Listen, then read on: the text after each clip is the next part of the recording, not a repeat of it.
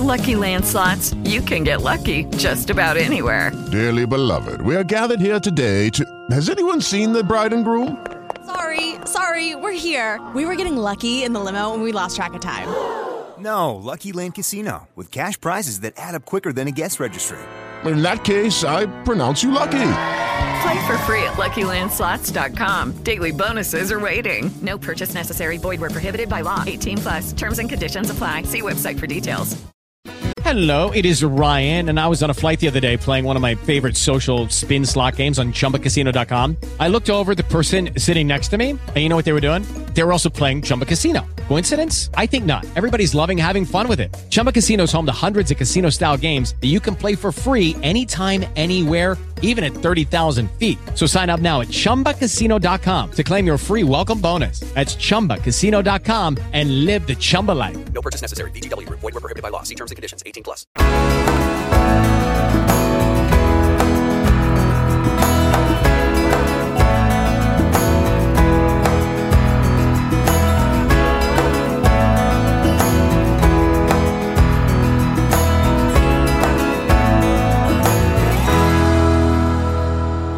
Hej, hej, hej och varmt välkomna till Makalösa podden som ges ut av Sveriges Makalösa föräldrar, en intresseorganisation för ensamstående föräldrar.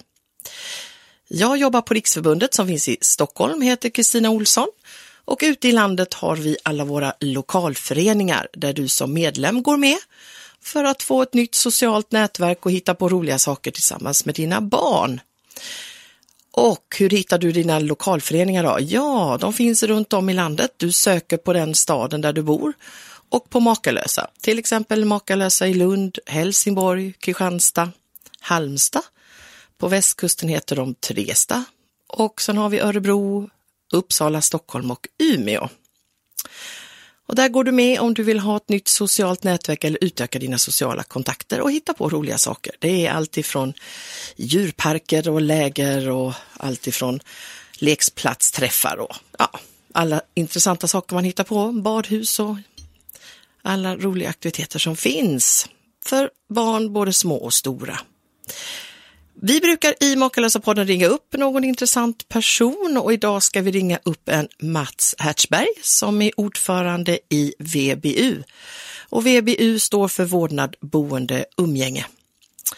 Eh, de hette tidigare Pappa Barn men har bytt till namnet VBU. Så känner du till en förening som heter Pappa Barn så vet du vem jag pratar, eller vilken förening jag pratar om nu. Eh, Mats han är ordförande där och det ska bli spännande att höra vad de tycker. De arbetar med frågor som vi också i Makalösa föräldrar arbetar med, till exempel att minska antalet vårdnadstvister. Det är en fråga som ligger oss varmt om hjärtat, båda de här organisationerna. Så det ska bli spännande att höra lite grann om hur VBU jobbar och vad de tänker och se om vi har ja, beröringspunkter, saker där vi tycker likadant. Så då ringer vi upp Mats Hertzberg, ordförande i VBU. Hallå Mats, Kristina, Makalösa podden här, hej! Hej Kristina! Tack för att vi får ringa och vara lite nyfikna och höra lite om den här föreningen VBU. Jag kan säga så att jag har bara presenterat dig här innan och sagt att du är ordförande i den här föreningen och att VBU står för vårdnad, boende och umgänge. Sen har jag inte sagt så jättemycket mer om mer än att det ska bli spännande att se vilka beröringspunkter vi har med vår förening så att säga. Men du får börja Mats och berätta lite om, om din förening där. Tack Kristina och det gör jag gärna. Jo, alltså våra boende, och umgänge, vi är också en ideell förening. Det är viktigt att veta och där har vi också en väldigt stor likhet med eh, er förening. Eh, vi är också politiskt helt oberoende, vi är en icke-religiös eh, religiös förening. Och vi driver då frågor om, om föräldraskap. Det är därför som vi då heter just vårdnad, boende, umgänge. Det är de frågorna som våra medlemmar bryr sig om. Och då hör det förstås till saken att våra medlemmar så väldigt ofta antingen befinner sig i eller är på väg in i en vårdnadstvist eller då kanske har kommit, kommit ut ur det. Så det är våra typiska typiska medlemmar. Mm. Och vi har, vi har två huvudverksamheter. Eh, eller vi, liksom, vi delar, våra, delar in våra aktiviteter i två, på två spår. Och det ena är en, en påverkande eller politisk verksamhet. Det är alltså där vi då försöker påverka politiker, myndigheter, media, den allmänna opinionen. Vi försöker påverka dem i frågor som då ligger oss, ligger oss nära. Sen har vi en helt annan verksamhet som är en stödjande verksamhet. Och där försöker vi då stödja eh, personer, föräldrar, medlemmar som just då är på väg in i en vårdnadstvist eller är i en vårdnadstvist. Så det är väldigt konkret och där är det då fråga om att stödja enskilda människor. Mhm. Och det gör vi då på, på olika sätt. Vi har så, samtalskvällar som vi har på fyra orter i Sverige. De är månatliga ungefär. Eh, sen har vi också digitala sam samtalskvällar där man kan ansluta från, från hela landet. Har vi. Så har vi då en infomail eh, och så har vi, har, har vi eh, också en stödtelefon. Vi har en telefonlinje som är öppen två kvällar i veckan. Dit man kan ringa in och då få tala med någon och få svar på sina frågor eller kanske då bara tala ut. Så det gör vi. Mm. Så era medlemmar är föräldrar som är på väg in i eller är i en vårdnadstvist. Förstod jag det rätt där? Det är de som är medlemmar hos er. Det stämmer Kristina, Ja. det är den vanligaste, vanligaste medlemmen. Sen har vi också medlemmar som inte mera är i en vårdnadstvist, men som har blivit så, vad, ja, vad ska jag säga, antingen tilltussade eller frustrerade med systemet så att de vill vara med och påverka för att få en förändring. Mm. Eh, Så de är, kommer, kommer som medlemmar, det var, gjorde jag faktiskt själv. Jag blev medlem när min vårdnadstvist i princip var, var över. Mm. Men, men då var jag så, jag tyckte att systemet var så dåligt och det var så många fel så jag måste göra någonting Mm. åt det där. Och därför gick jag då med, med i föreningen. Mm. Och de medlemmarna är också väldigt viktiga för oss därför att de har kanske mera tid och resurs eh, att, eh, att arbeta med föreningen än de, de medlemmar som befinner sig i en akut kris, kris just nu. Och du vet, de är kanske uh, småbarn, så åtminstone de har hemma, hemmaboende barn, de har ett jobb att sköta och allt det där. Så det är väldigt svårt, eller det är en utmaning i alla fall för dem att engagera sig, Mm. engagera sig i den, i det, allt för mycket i vår förening. Men, men det känner jag ju igen, så är det ju i vår förening också. Man går med i Makalösa föräldrar när man kanske precis har sepa- separerat och man inte har så stort socialt nätverk. Man eh, vill träffa nya män, mer människor, utöka sitt, sitt vänskapskrets kanske. Man behöver göra saker, åka på semester eller hitta på aktiviteter med sina barn. Så är det ju.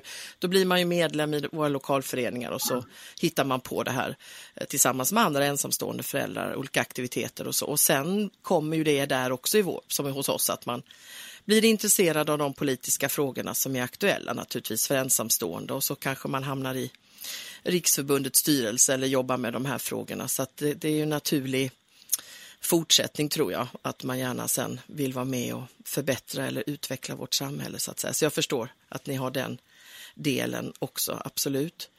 Jag tänker ni har en väldigt fin hemsida i alla fall med mycket, mycket information. Det är vi inte riktigt lika duktiga på kan jag tänka mig. Ni har lagt mycket jobb på det att förklara den här processen, så den kan jag ju rekommendera till er om ni är i en vårdnadstvist eller har funderingar och tankar så har ni en väldigt fin hemsida där med fakta och eh, ja, råd och stöd och hjälp. Vad roligt att du säger det Kristina, för att den har vi arbetat med någonting otroligt nu under pandemin. Ja. För vi har bytt, bytt alltså plattform, bytt hemsida. Och det var inget fel på den, på den gamla, den hade till och med mer information än vad den nya, nya har, för vi har inte kunnat överföra allting. Men den gamla så var inte anpassad för mobilanvändning. Och det gör ju, det är så många idag som går in, och särskilt de yngre, Mm. de går bara in på mobilen. Så därför måste vi göra det. Så det har vi jobbat med, nästan under ett år har vi jobbat med att få den. Men jag tänkte säga, kommentera det där med, med just också med hur man ska också ha tid och energi för dessa ideella föreningar. För det, det måste vara en stor utmaning för er att vara ensamstående förälder och ha hela ansvaret för barnet. Och sen dessutom då ha tid och ork för, eh, för föreningsliv. Det måste vara en utmaning.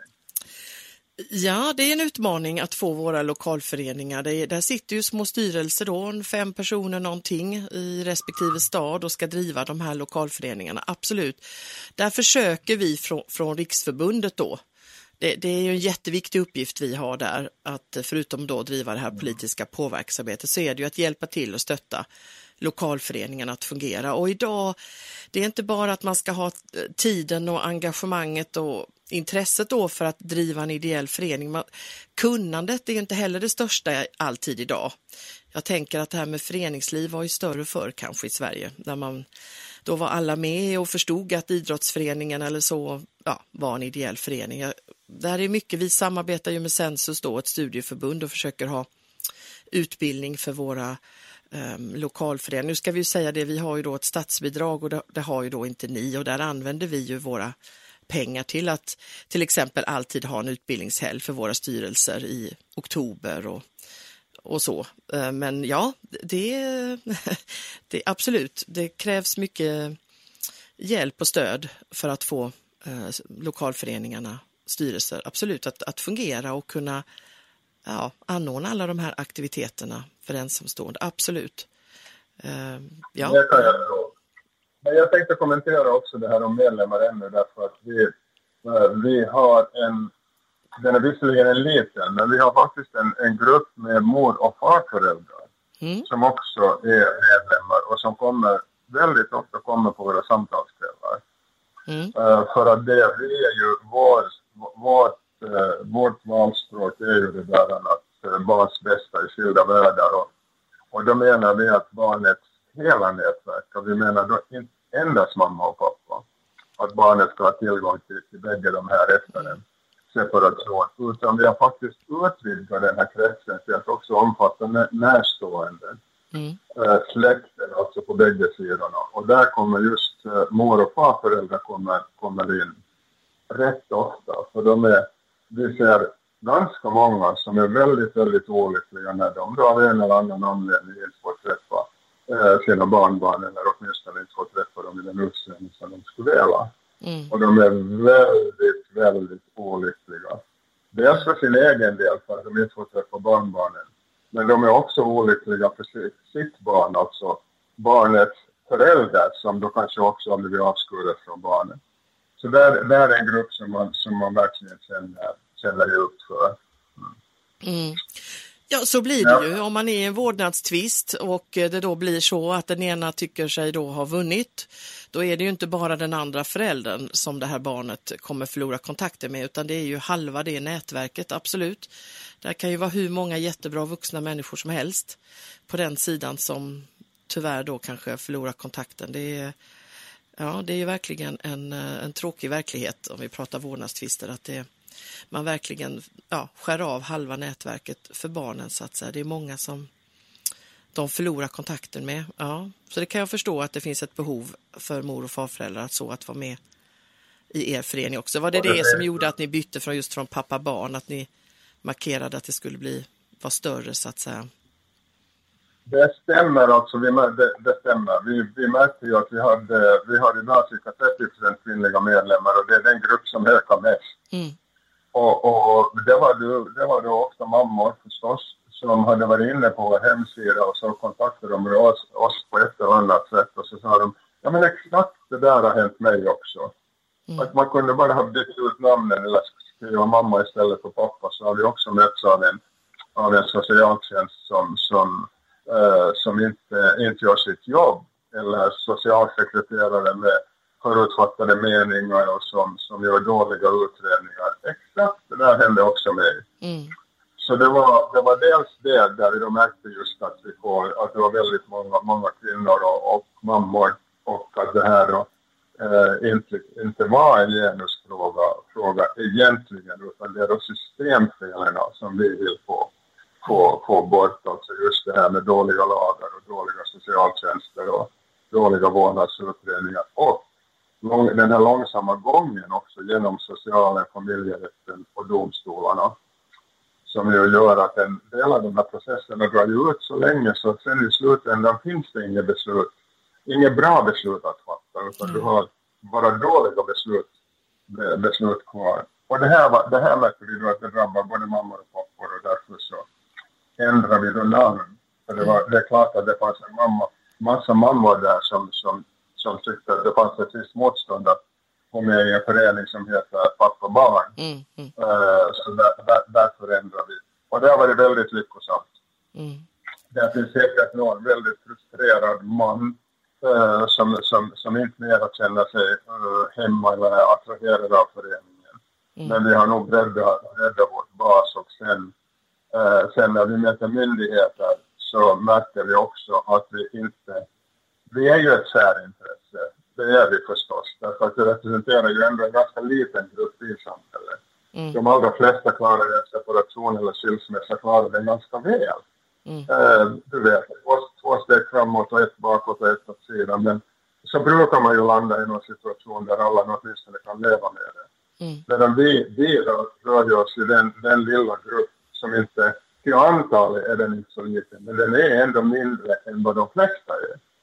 Eh, så där, där, på det sättet är vi, är vi ett särintresse. Men när vi representerar, eller det sågs som om vi representerar endast män, så märkte vi att vi genast inte sa den attityden att ah, men ni är ett sär- särintresse. Och, och det har vi, kom, kanske, eller det håller vi på åtminstone att komma ifrån eh, genom att bytte namn. Men ni har ju ett strålande. Vad sa du Mats? Jag, tycker, jag, sa att ni- ert namn är ju strålande, det är ju ett jättebra namn som ni har. Ja, du gillar namnet Makalösa föräldrar. Ja, det är lite roligt ju. Ja. Lite så, fyndigt. Ja, mm. Och så är det, så är det positivt. ja. Eh, och jag tror att det, det, många av våra frågor så är ju alltså besvärliga och jobbiga, jobbiga frågor. Och det måste säkert vara för dig också med, med ensamstående mammor som jag förstår att det är era medlemmar. Och de frågorna är ju inte alltid, alltid där så lätta. Men jag, därför tror jag att det också där är liksom på något sätt positivt. Att det är bra att ha ett positivt angreppssätt snarare än att bara, bara poängtera och, och gå runt i misären om jag får säga det så. Mm. Ja, alltså vår förening är väldigt positiv därför att när du går med i föreningen så kommer du att träffa Eh, andra som är precis i samma situation som dig. Och vi, eh, det mesta vi gör är ju att subventionera massa aktiviteter så att eh, det blir väldigt positivt att kunna åka till Skansen eller vad man nu hittar på, Skånes djurpark eller något annat, Hoppen Pop eller vad det är som är poppis just nu som alla vill åka och hitta på. Så att då får du, du träffar andra föräldrar så du utökar ditt sociala nätverk och barnen får göra roliga aktiviteter så att säga. Så att det blir ju positivt ehm, att gå med så att säga. Det är därför du väljer att bli medlem, ehm, tänker jag. Ehm, så. Ehm, jag var bara en sak, hur många medlemmar är ni Mats? För det har jag faktiskt inte koll på. Vi har 300 betalande medlemmar, sen har vi 1000 på, 1000 på mejllistan. Ja, just det. Eh, men men eh, tyvärr är det bara 300 som, som betalar medlemsavgiften. Det är faktiskt en stor utmaning för oss. Ja. Och det vet jag att det är det med, med, med många andra ideella föreningar också. Mm. Och det är det här att man går med och så är man med under en kort tid. Mm. Eh, och den här, det, det, det är ett enormt behov det där för oss, eh, för oss det där att, att, att attrahera nya medlemmar. Därför att det är så pass många som faller bort varje år. Eh, antingen för att de då, naturligtvis en liten del som faktiskt tycker att de inte får ut någonting av medlemskapet. Men mer än så tror jag för att just deras kanske akuta livssituation då har förändrats. Mm. Så att de tycker att det här är mera är, är aktuellt. Och det kan ju vara bra på det sättet om de tycker ja men nu har du fått stöd och hjälp att, att gå igenom sin separation och sin vårdnadsprocess. Så det är förstås bra. Men hur, från föreningens synvinkel så är det, så är det väldigt, väldigt resurskrävande att hela tiden ta in, få in det där nya, nya medlemmar. Så en stor utmaning för oss. Och där har jag faktiskt förstått att det gäller många andra ideella föreningar. Det är just att behålla medlemmarna under en, under en längre tid. Och sen dessutom få några av de här nya medlemmarna att bli riktiga eldsjälar och, arbetshästar att de eh, gör, också göra jobbet. Mm. Det, det känner jag ju igen ifrån vår förening också, absolut så är det ju. Det är alltid, vi skickar ut våra fakturer där i november inför nästkommande år och vi får ju många svar ibland att nej men nu klarar jag mig eller nu har jag flyttat ihop och är en bonusfamilj eller, eller så. Va? Eh, att vara medlem i Makalösa föräldrar det kan man ju vara så länge man inte bor ihop med den andra biologiska föräldern. Så det är ju inget hinder att man har blivit en bonusfamilj eller så, man kan ju vara medlem ändå. Men, men, men lite är det sådär lite grann att nu klarar jag mig. eh, Ja, man har liksom gått med i föreningen när livet var lite struligt och nu tycker man att, att det har blivit bättre. Så den, den fightas ju vi också med, att vi hela tiden vi måste kämpa och fylla på så att säga. Det, det, det är nog så ja. Eh, Man kan ju tänka att... Det, Ja, det är ju trevligt för, för medlemmen i fråga men det är ju just från föreningens sida så, så, är det- så är det ju, är det ju jobb- jobbigt. Ja. Mm. Om vi ska gå in på, vilken är den viktigaste frågan ni driver då? Om vi nu ska, nu vet vi att ni jobbar med vårdnadstvister och stöttar om man är i en vårdnadstvist och det kan ju kännas jättebra. Jag tänker de här politiska frågorna då, vilka är de viktigaste ni driver där? Det som, eh, eh, det som man ju vet idag så är det där att det är väldigt mycket bättre för ett barn att ha kontakt med bägge sina föräldrar efter en separation än att, inte ha den kontakten. Eh, och det finns många studier som, som, som visar på det. Och, och nu börjar det också finnas studier som har gjorts under en, en väldigt lång tid. Bland annat ett enormt stort projekt som har gjorts där i Sverige på Karolinska institutet och Stockholms universitet. Det kallas eh, CHESS, kallas studien. Mm. Eh, Nej, CHESS heter institutet, förlåt, avdelningen, och ELDIS heter, eh, heter stu- studien. Som har gjort av en, bland annat av en Malin Berg- Bergström som eh, är väldigt ofta också ute i tv och media och pressen och pratar om de här frågorna. Och, och den, hennes studie bland annat och många andra så visar just att det är så hemskt mycket bättre om barnen har kontakt med bägge föräldrarna och också bor ungefär växelvis. Mm. Och det är mycket, mycket bättre än att barnen bara bor helt hos den ena föräldern eller nästan helt. Mm. Och det där har då effekter på, på, på barnet. Det har på skolgång, det har på minskat drogmissbruk, det har på minskat kriminalitet. Det har nästan alla sådana här faktorer så har det en positiv, eh, positiv inverkan på. Mm. Jag har sett de eh, siffrorna, ligger ju på din hemsida, jag har sett det. Att man halverar precis, risken för psykisk ohälsa då och allt det här du räknar upp om man har samma, ja, man har kontakt med båda sina föräldrar. Eller vardaglig kontakt är det väl det står va? Att man ska ha en vardaglig vardagen. kontakt. Det behöver inte, det, det, är liksom inte. Och där ska man inte vara heller ute efter någon millimeter rättvisa. Men alltså det räcker, det räcker inte det här, du vet en lördag eftermiddag varannan vecka. Det räcker definitivt inte och kanske inte heller vartannat veckoslut utan det, må, det, det, måste vara vardagskontakt. Mm.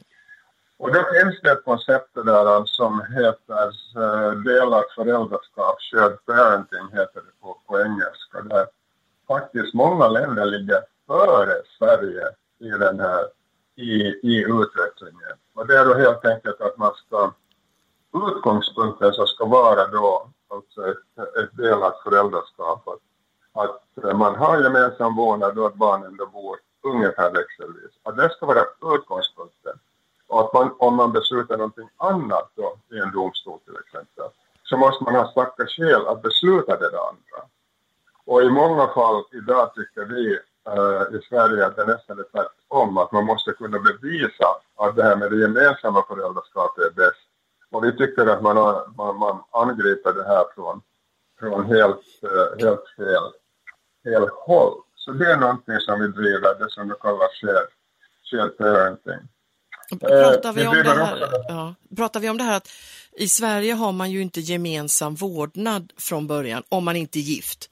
Och nu är det ju bara 30 procent av alla barn som föds eh, inom äktenskap eller 35 eller vad det är. Majoriteten av alla barn som föds i Sverige föds ju utanför äktenskapet, det vill säga man är sambo kanske då. Va?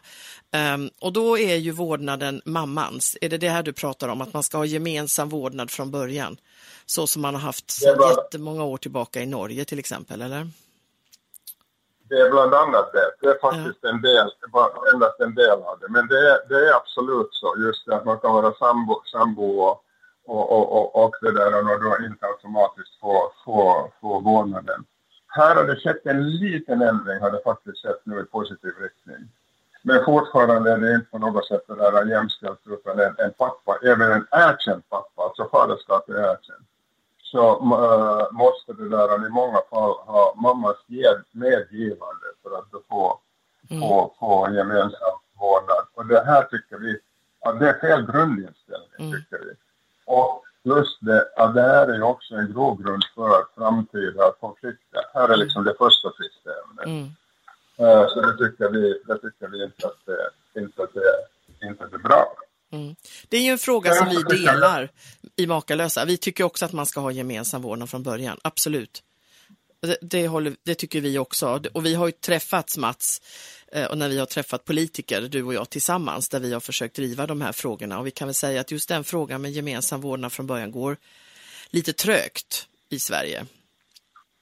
Den går trögt trots att, och det är lite konstigt därför mm. att uh, när man sitter och pratar med politikerna så tycker ju på något sätt, uh, verkar det åtminstone som, som att många skulle tycka det. Mm. Uh, för, att, för att instinktivt så är det ju nästan självklart att det ska vara så. Jag menar, föräldraskap är ju livslångt och det kan du inte alls säga det.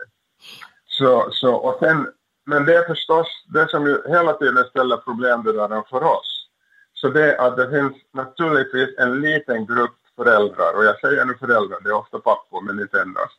Men det finns en liten, liten grupp föräldrar som förstås inte ska vara föräldrar. Mm. Uh, för att de är olämpliga. Av en eller annan orsak så är de direkt olämpliga.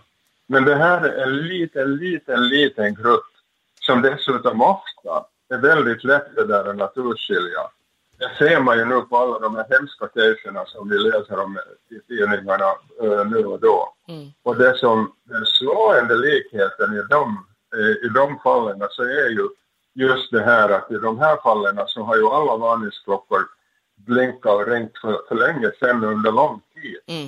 Mm. Och ändå har inte det där samhället lyckats göra någonting. Men det, så där finns visst en liten grupp som föräldrar som inte ska ha någon kontakt med barnen alls eller om de har kontakt så ska det då vara under ordnade, ordnade förhållanden förstås.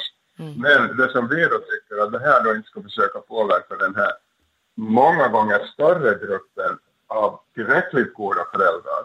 Det är väldigt få föräldrar som är perfekta. Mm. Men av tillräckligt goda föräldrar att det liksom ska hindra dem från att ha, att ha kontakter med barnen eller barnekontakt med dem, för det är ju egentligen det som det handlar om. Mm. Mm. Men du, jag vet att du driver ju också de här frågorna, äh, därför det som vi försöker, om man säger generellt, så vill vi, vill vi, vi vill att man ska försöka förhindra konflikterna före de uppstår i möjligaste mån och mm. göra det så lätt som möjligt för föräldrarna att komma överens och då helst inte alls hamna i domstol här då de flesta av våra medlemmar har hamnat. Mm. Men helst vill vi inte att de ska hamna där därför att det är, det är nästan en lus-lus äh, äh, lösning där. Den, är, den är så besvärlig och uppslitande och den är lång och den är dyr och den är Och jag vet att du jobbar på samma frågor också. Kanske igen från en annan synvinkel men i alla fall. Och det är just den här frågan om att ekonomin och ekonomiska frågor inte ska vara pådrivande på den här konflikten. Och det, det, det, gör vi också, att alla, alla, alla ekonomiska faktorer som ska liksom rensas bort från vårdnadskonflikten och framförallt kan de inte driva på konflikten. Och mm. där vet jag ju att där har du också tankar om det. Ja, vårdnadstvist, vårdnadstvist det gillar ju inte vi makalösa föräldrar. Nej, absolut. Vi, vi försöker ju påverka det så mycket som möjligt och vi vet ju hur destruktiva de här tingsrättsförhandlingarna är. Och precis som du säger, vi, de här föräldrarna får lida mycket också förutom barnen. Och eh, eh, vi jobbar ju också politiskt med det allt vad vi kan att det ska bli bättre. Och framförallt att det ska utgå ifrån barnen. Um, det heter ju barnens bästa, det är ju ett begrepp som man använder sig av. Men precis som du säger, det, ibland är det väl inte riktigt eftersom just ekonomin är så involverad så upplever väl vi också att ekonomin styr ibland. Visst har vi sett exempel på det där mammor säger nej till växelvis boende därför att hon kommer inte att klara sig ekonomiskt då.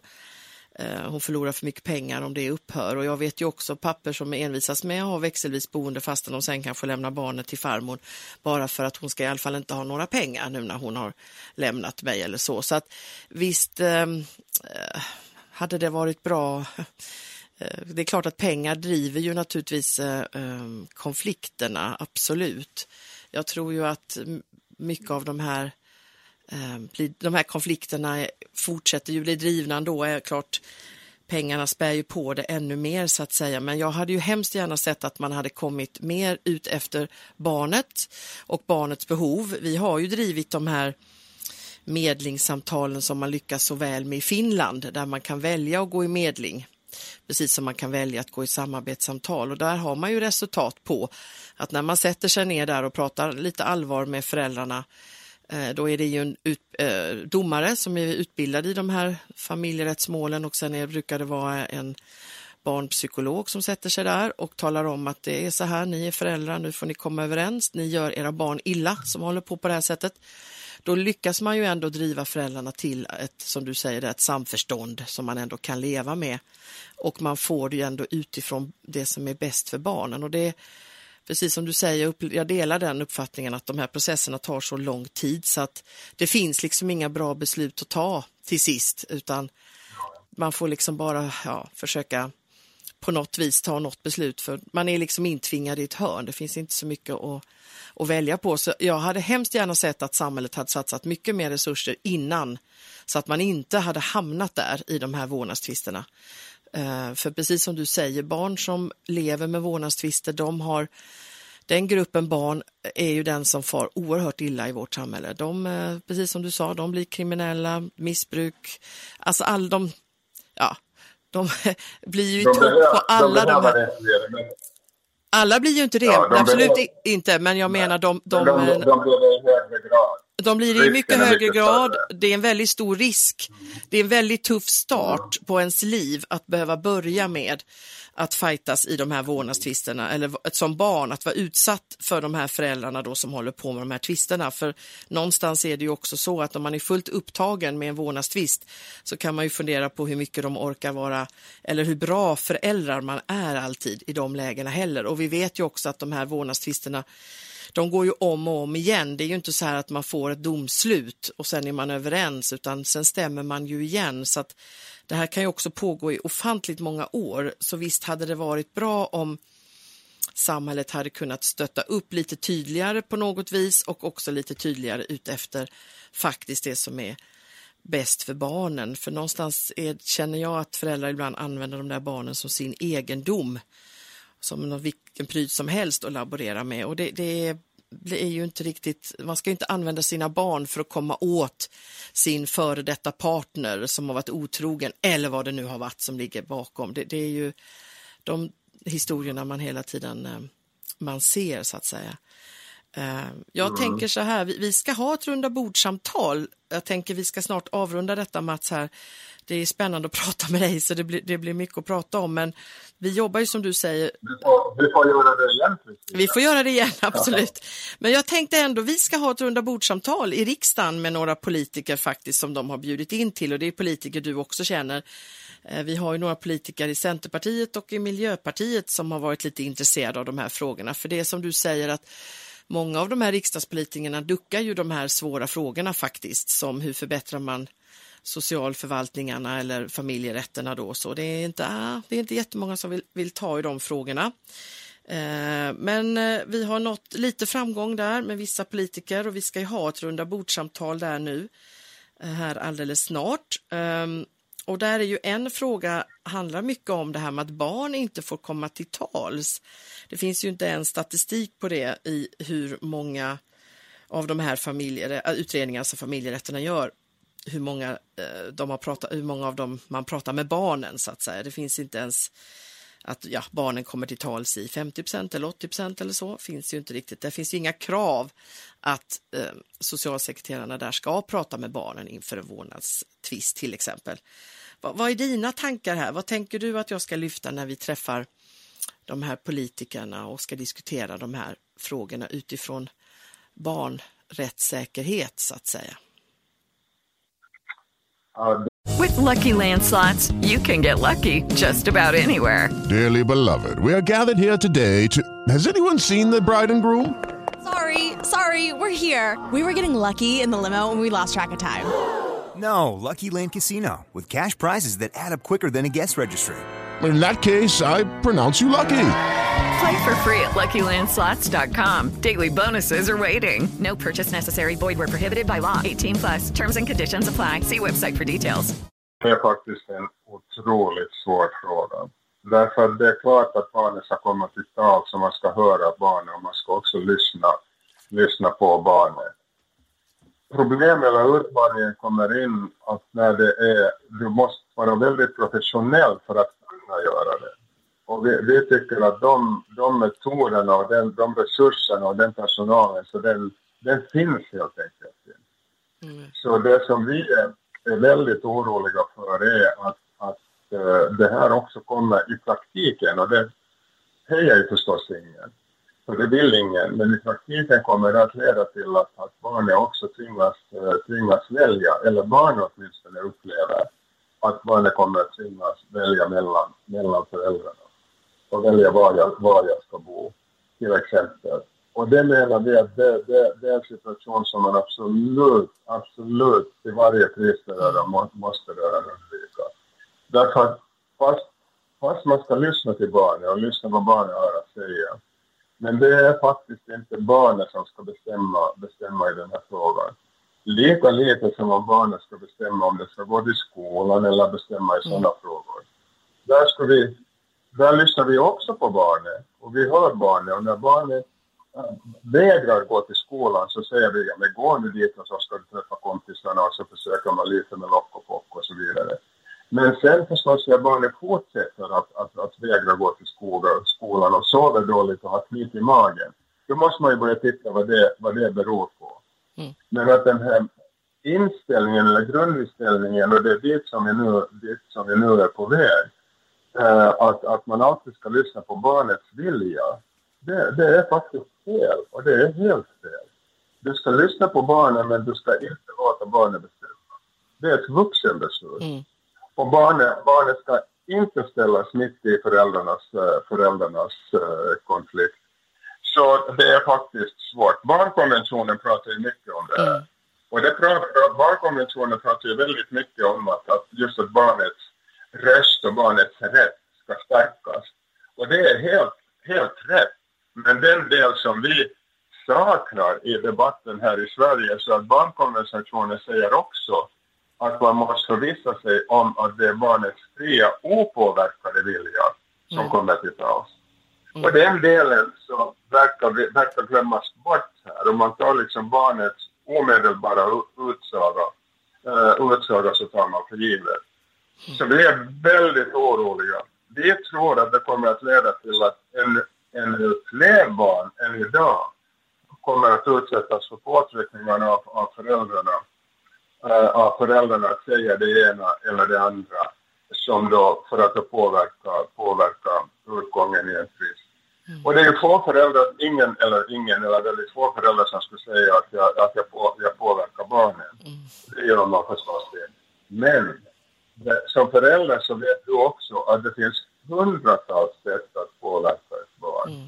Och inte bara direkt genom att säga åt det och direkt genom att ge belöningar eller frånta dem belöningar, men med, med hela din attityd, med hela ditt kroppsspråk, med hur du mår.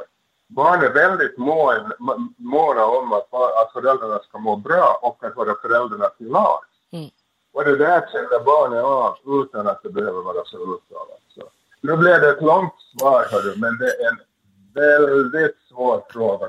Det, det, är en väl, det är en jättekomplex fråga därför att det handlar om barnen och deras välmående så det är klart att de måste få uttala sig. Jag tycker det är väldigt konstigt att man inte alltid, att det är liksom krav på att man alltid har pratat med barnen. Sen delar jag din uppfattning att det är jätteviktigt vem det är som har de här samtalen och vilken kompetens de personerna har. Absolut. Eh, Så att de faktiskt kan eh, hålla de samtalen på ett korrekt sätt och precis som du säger också förstå vad det är barnen säger och inte säger om man nu uttrycker sig så. Ja, mm, det, är, det är jättesvåra eh, frågor.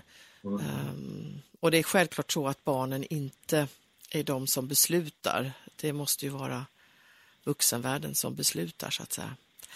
Ja, det är, Det är jätte, ja, det är jättesvåra frågor de här. Ja, eh, dock är det ju väldigt många barn som kommer i kläm så det, det är frågor som absolut behöver jobbas med eh, på alla sätt och vis. Och om man hade kunnat tvinga föräldrar på något vis eh, ehm, till ett samarbete med hjälp och stöd eh, och slippa de här vårdnadstvisterna så hade ju det varit helt fantastiskt för alla parter tror jag. Mm. Vill du säga något avslutande innan vi avrundar Mats? Är du... Uh, nej, det var väldigt trevligt att, uh, att få talas vid och jag tror att vi, som sagt, det finns uh, ganska många beröringspunkter vi har som föreningar också. Också faktiskt i de frågor vi driver just med att få socialtjänsten och familjerätten att få dem att bli mer professionella och göra bättre utredningar. Och de här ekonomiska frågorna, att de inte ska påverka våra drivande. Så jag tror vi har, vi har en, hel, en, en, en hel del i den gemensamma beröringspunkter. Så jag hoppas jag kan fortsätta samtalet. Det gör vi alldeles säkert och vi har ju stött på varandra redan tidigare i olika eh, forum när det har varit politiska frågor och så. Så det tror jag vi alldeles säkert gör. Vi vill absolut detsamma här. Mindre konflikter och bättre för barnen om jag nu får sammanfatta det på det sättet.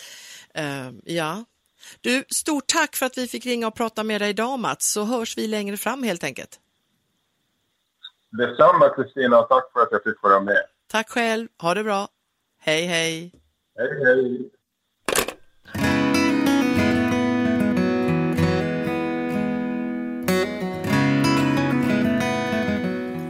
Ja, detta var alltså Mats Hertzberg som är ordförande i VBU som står då för vårdnad, boende och umgänge.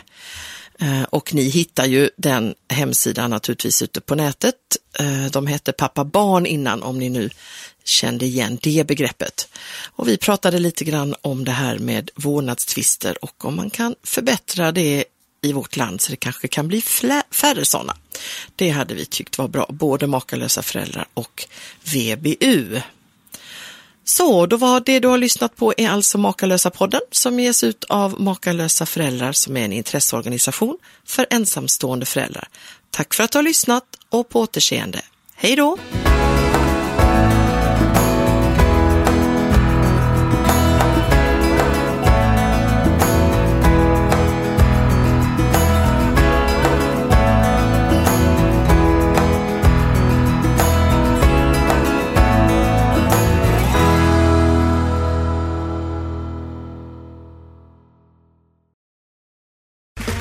Okay, round two. Name something that's not boring.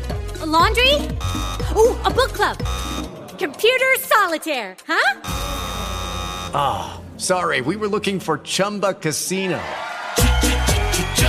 That's right. ChumbaCasino.com has over 100 casino style games. Join today and play for free for your chance to redeem some serious prizes.